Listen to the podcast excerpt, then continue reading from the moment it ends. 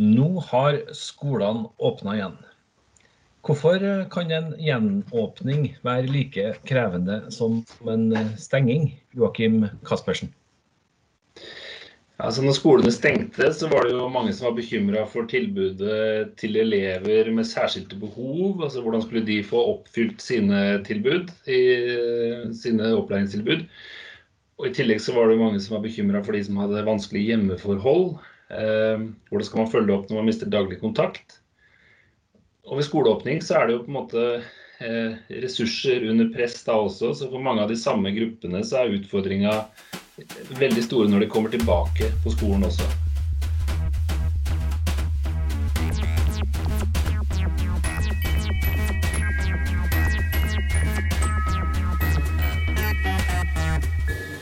Velkommen til Forskerpoddens fjerde episode om korona, og om hvordan krisen kan knyttes til arbeidet til våre forskere ved NTNU samfunnsforskning. I dag handler det om eh, skoleåpning, hjemmeundervisninga som vi har lagt bak oss, og ikke minst de sårbare barna. Navnet mitt er Vegard Smevold. Forskerpodden er NTNU samfunnsforsknings egen podkast og vi tar fortsatt opp på hjemmekontor. Joakim Kaspersen er skoleforsker og var for litt over ett år siden sentral i NTNU samfunnsforsknings evaluering av den norske SFO-ordninga. Der kom det frem at ordninga fungerer godt for de ressurssterke familiene, men at det er verre stilt for utsatte barn. Hva har den åtte uker lange hjemmetilværelsen gjort med de samme barna, Joakim? Ja, det er jo et veldig godt spørsmål. Altså, mange har eh, stilt seg i det siste. Og det er masse diskusjon på, eh, i avisene og på internett, på Facebook-grupper. Eh, og eh, vi vet jo ikke så mye om det enda. Men vi har jo en del eh, antakelser basert på forskning på andre områder nå er det jo sånn at eh, det å være ressurssterk er selvfølgelig en fordel i mange settinger, det. Eh, og eh, også når skolen stenger, så vil jo de som kan få god oppfølging hjemme, gjøre, altså ha en enklere hverdag på mange måter. Eh, da vil man jo kunne kompensere for det skolen ikke kanskje får til, eh, f.eks. Og som er vanskelig for skolen å få til når alle elevene er borte. Eh, det er flere eksempler på hva det kan være. Noe handler jo om det å følge opp elever og kunne på en måte skolestoffet godt. Og kunne gi dem den støtten de trenger til, til læring og til skolearbeidet. Men så kan det også handle om de ressursene som trengs for å, å, gjennomføre undervisning på en god måte. Altså ha tilgang til utstyr av god kvalitet for å gjennomføre digital hjemmeundervisning osv. Mange skoler er jo behjelpelige altså De fleste skoler er jo behjelpelige med å, å, å, sørge for sånt utstyr. Um, men allikevel så er det noe med, med, kompetansen til å bruke det og få dette hjem. Og så kunne støtte opp i alle, alle mulige ledd av undervisninga. Uh, og så har vi jo et annet problem som har vært mye fokus på, er jo det hva som skjer med barna eh, som ikke har det så bra, men som på en måte kan fanges opp som ikke har det så bra hjemme, men som skolen og lærerne kan ha en tett kontakt med gjennom eh, skoledagen. Og ha den daglige kontakten og på en måte sjekke ut hvordan det er å ha en føling for hvordan disse barna har det. At den muligheten forsvinner når eh, barna ikke lenger er på skolen, man ikke har den kontakten. Så det er mange utfordringer som har vært i, eh, i den perioden her, da. Det snakkes mye om utsatte barn, sårbare barn, ressurssvake barn. Eh, hvem, hvem er de egentlig?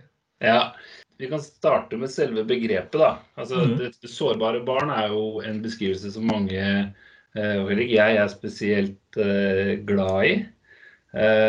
Fordi det er mange barn som kan befinne seg i situasjoner der det er vanskelig, men det, noe, eh, det følger ikke nødvendigvis at det går dårlig med dem. Altså at de, en sårbarhet eh, antyder på en måte at de eh, har dårlige forutsetninger. Da.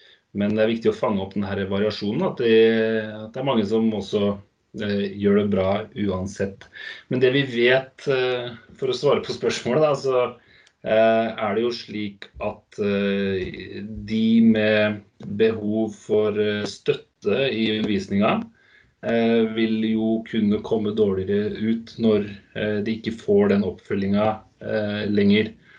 Og så nevnte jeg også disse med vanskelige hjemmeforhold eh, vil jo være typisk eh, et, eh, en utfordring. Men så er også vi i vår forskning gjerne opptatt av at vi må ha fram litt nyanser mellom ulike grupper. Du kan tenke deg at Det er ganske annerledes å være et barn med en autismespekterdiagnose som har vanskelig med sosial samhandling. Da kan det være veldig fint å få en annen type undervisning hjemme, kanskje. At det kan være tryggere og egentlig gjøre at det er lettere å følge skolearbeidet. Men er du hørselshemma, så kan man tenke seg sjøl, mange har erfaring med det i disse dager, at det å sitte på en sprakete eh, linje over en PC eh, og nesten ikke høre hva som blir sagt, er vanskelig selv hvis du ikke er hørselshemma. Men hvis du er det, så kan det gjøre det nesten umulig eh, å delta. Så eh, gruppa eh, er variert, og det er mange ulike utfordringer og, eh, som dukker opp.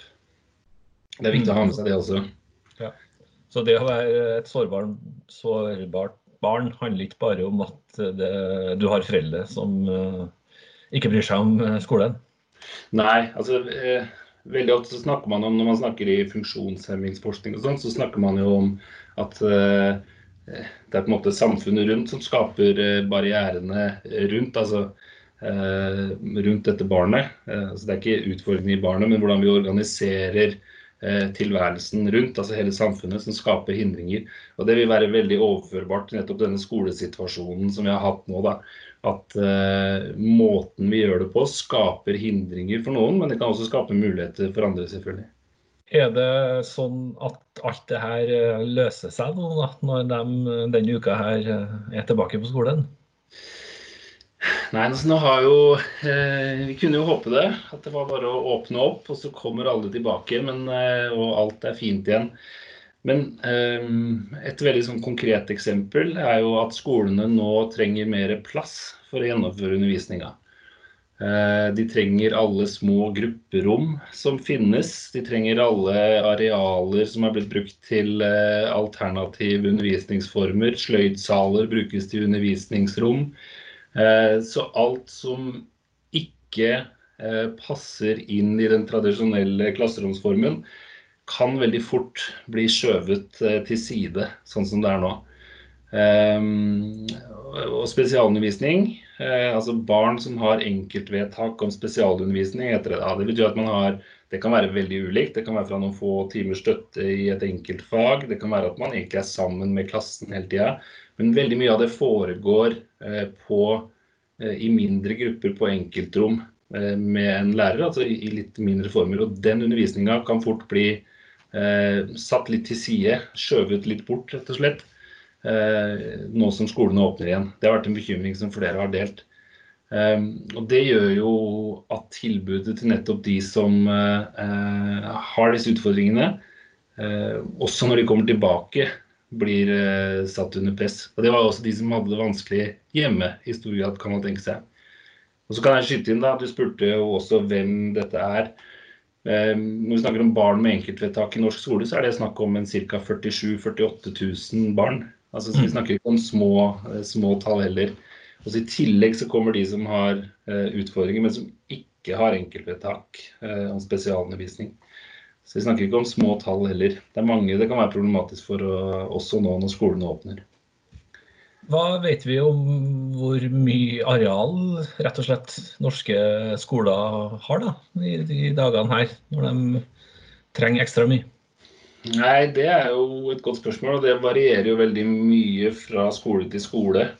Eh, og også veldig mange satser jo på ute, uteundervisning i disse dager. Eh, nå bor jo vi i Trondheim begge to.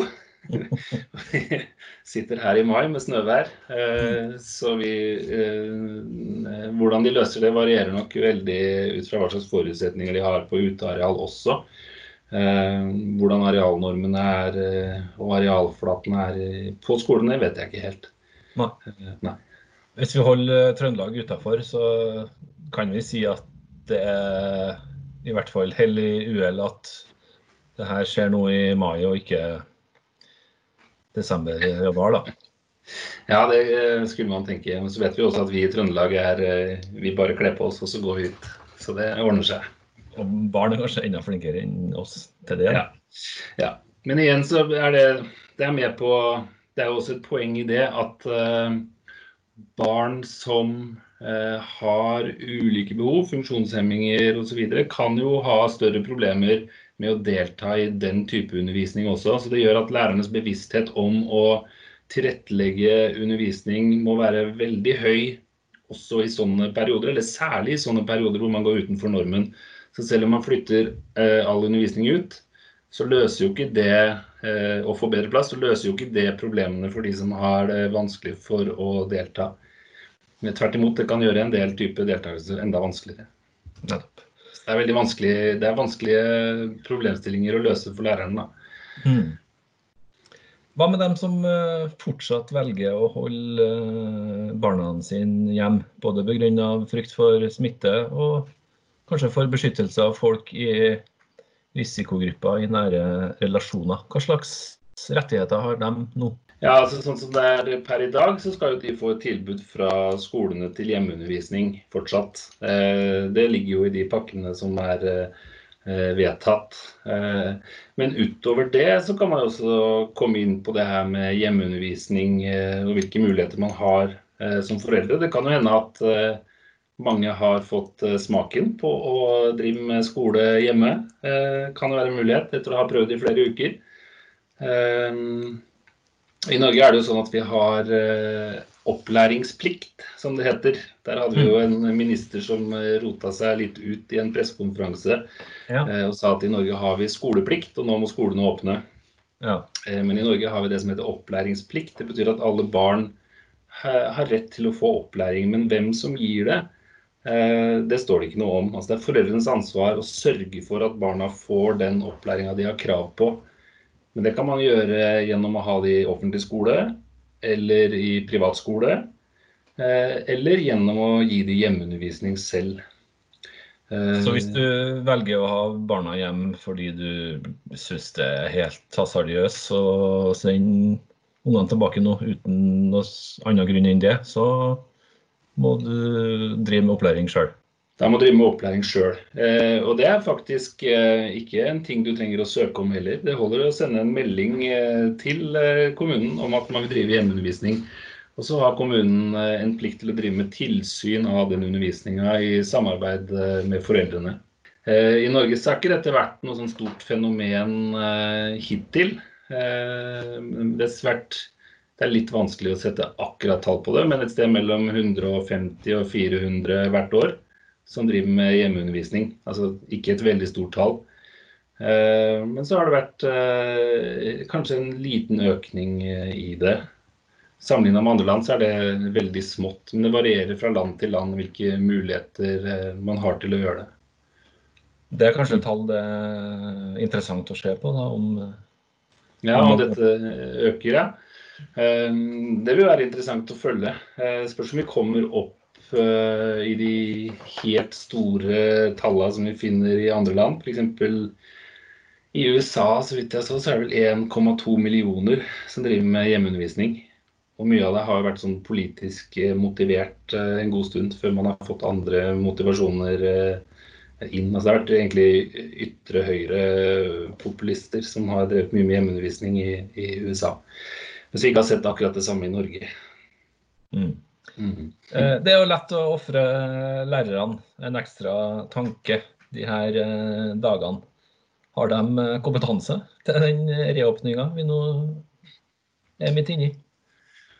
Eh, om de har kompetanse, det er jo sikkert eh, individuelt. Altså Pandemiorganisering har vel ikke vært pensum på lærerutdanningene heller. Eh, som det ikke har vært hos noen av oss andre. Eh, jeg tror viljen er veldig stor til å få til gode opplæringstilbud for barna. Men eh, eh, det krever jo en enorm organisering å få til dette. og Man begynner jo å finne veien, og man blir jo tvunget til å finne løsninger hele tida. Men det er klart at det er en svært krevende situasjon for lærerne også å få til undervisning. Eh, man kan jo tenke seg at man gjennom det her kan få ut noen eh, få realisert en del undervisningsidealer som handler om praktiske undervisningsformer, uteskole osv., eh, som mange har lyst til, eh, og som mange opplever at de ikke har fått utløp for innenfor den eh, skolehverdagen som har vært før. Altså Mange lærere etterlyser jo en skole med litt andre målsetninger enn bare å gjøre det bra på, på, prøver og tester, og har lyst til å få fram alternative undervisningsformer. Så for de så vil det jo kanskje være en, eh, en god anledning til å jobbe fram. Men samtidig så må man jo ikke underslå kostnadene ved å gjøre det i den situasjonen vi er nå. Da. Altså, dette er krevende. Det krever jo planlegging, øh, og det krever tid og ressurser. Noe som er virkelig vanskelig å få til også for lærerne nå. Da. Så det er en tøff, eh, tøff jobb lærerne har eh, i disse dager. Jeg så enkelte tok til orde for å kutte ned sommerferien i år med f.eks. Eh, to uker. Hva slags eh, utfordringer kan det by på? Ja, eh, det er jo et forslag som har kommet opp eh, flere ganger. Eh, det, altså det har kommet nå i forbindelse med koronasituasjonen. Eh, og da med henvisning til de barna som man antar har fått dårligst læringsutbytte, som det heter, gjennom denne tida. Tidligere har bekymringa vært at det er elever med lav sosial bakgrunn som faller etter. Altså faller Det blir et læringsgap da, mellom mellom de med lav sosial bakgrunn og de med høy sosial bakgrunn gjennom sommerferien. Så finnes det noen studier som viser at det er en tendens til det. At gapet blir litt større i løpet av sommerferien. Og Da er det fristende å tenke at ja, ok, men da må vi bare kjøre på med mer skole for å, for å tette igjen gapet. Men eh, for meg så blir det iallfall logikken da at vi sier at fordi de eh, svakeste, eller de med vanskeligst utgangspunkt, eh, har en vanskelig undervisningssituasjon, så skal vi gi dem mer av det samme for at de skal komme opp til de andre. Og for meg, jeg klarer ikke å, eh, å forstå helt eh, at det skal eh, hjelpe på å gi dem mer av det som er vanskelig. Ehm, og jeg tenker også at det for mange kan være greit med en pause etter hvert. Og så For å skyte inn der, så er det jo et eller annet med Jeg var inne i stad på det her med målet for utdanning. altså at Hvis man setter kunnskap og læring som det aller viktigste skolen skal drive med, eh, og har den innretninga hele tida, så blir denne debatten om å tette kunnskapsgapet selvfølgelig veldig viktig.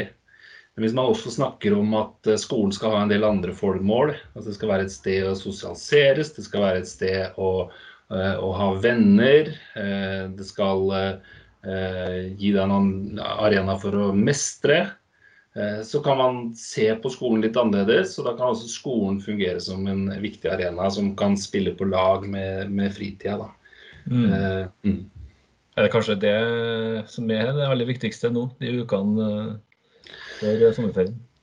Ja, dette blir jo bare min mening, men jeg ville si at det er Eh, viktig å tenke at mange barn nå trenger en arena for å til, føle tilhørighet eh, igjen.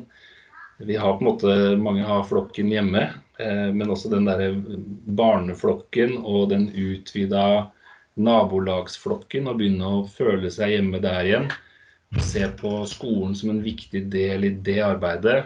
Det syns jeg er uh, veldig fint om man kan prioritere fram mot sommeren. Altså dette med den grunnleggende tilhørigheten for barna, den er ekstremt viktig å holde på, uh, særlig i sånne tider som vi er inne i nå. Er det noe forskning og undersøkelser i det hele tatt på feltet som uh, nå foreligger midt i krisa?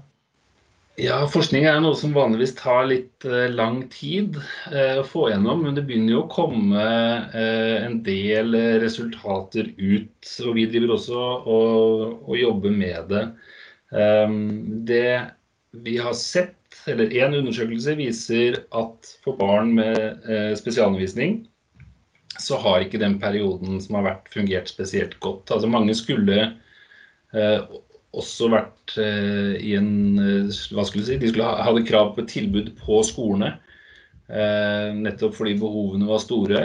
Men tall som en undersøkelse som Handikappede barns foreldreforening har gjennomført, viser at det i liten grad har skjedd da, blant de som har svart på den undersøkelsen.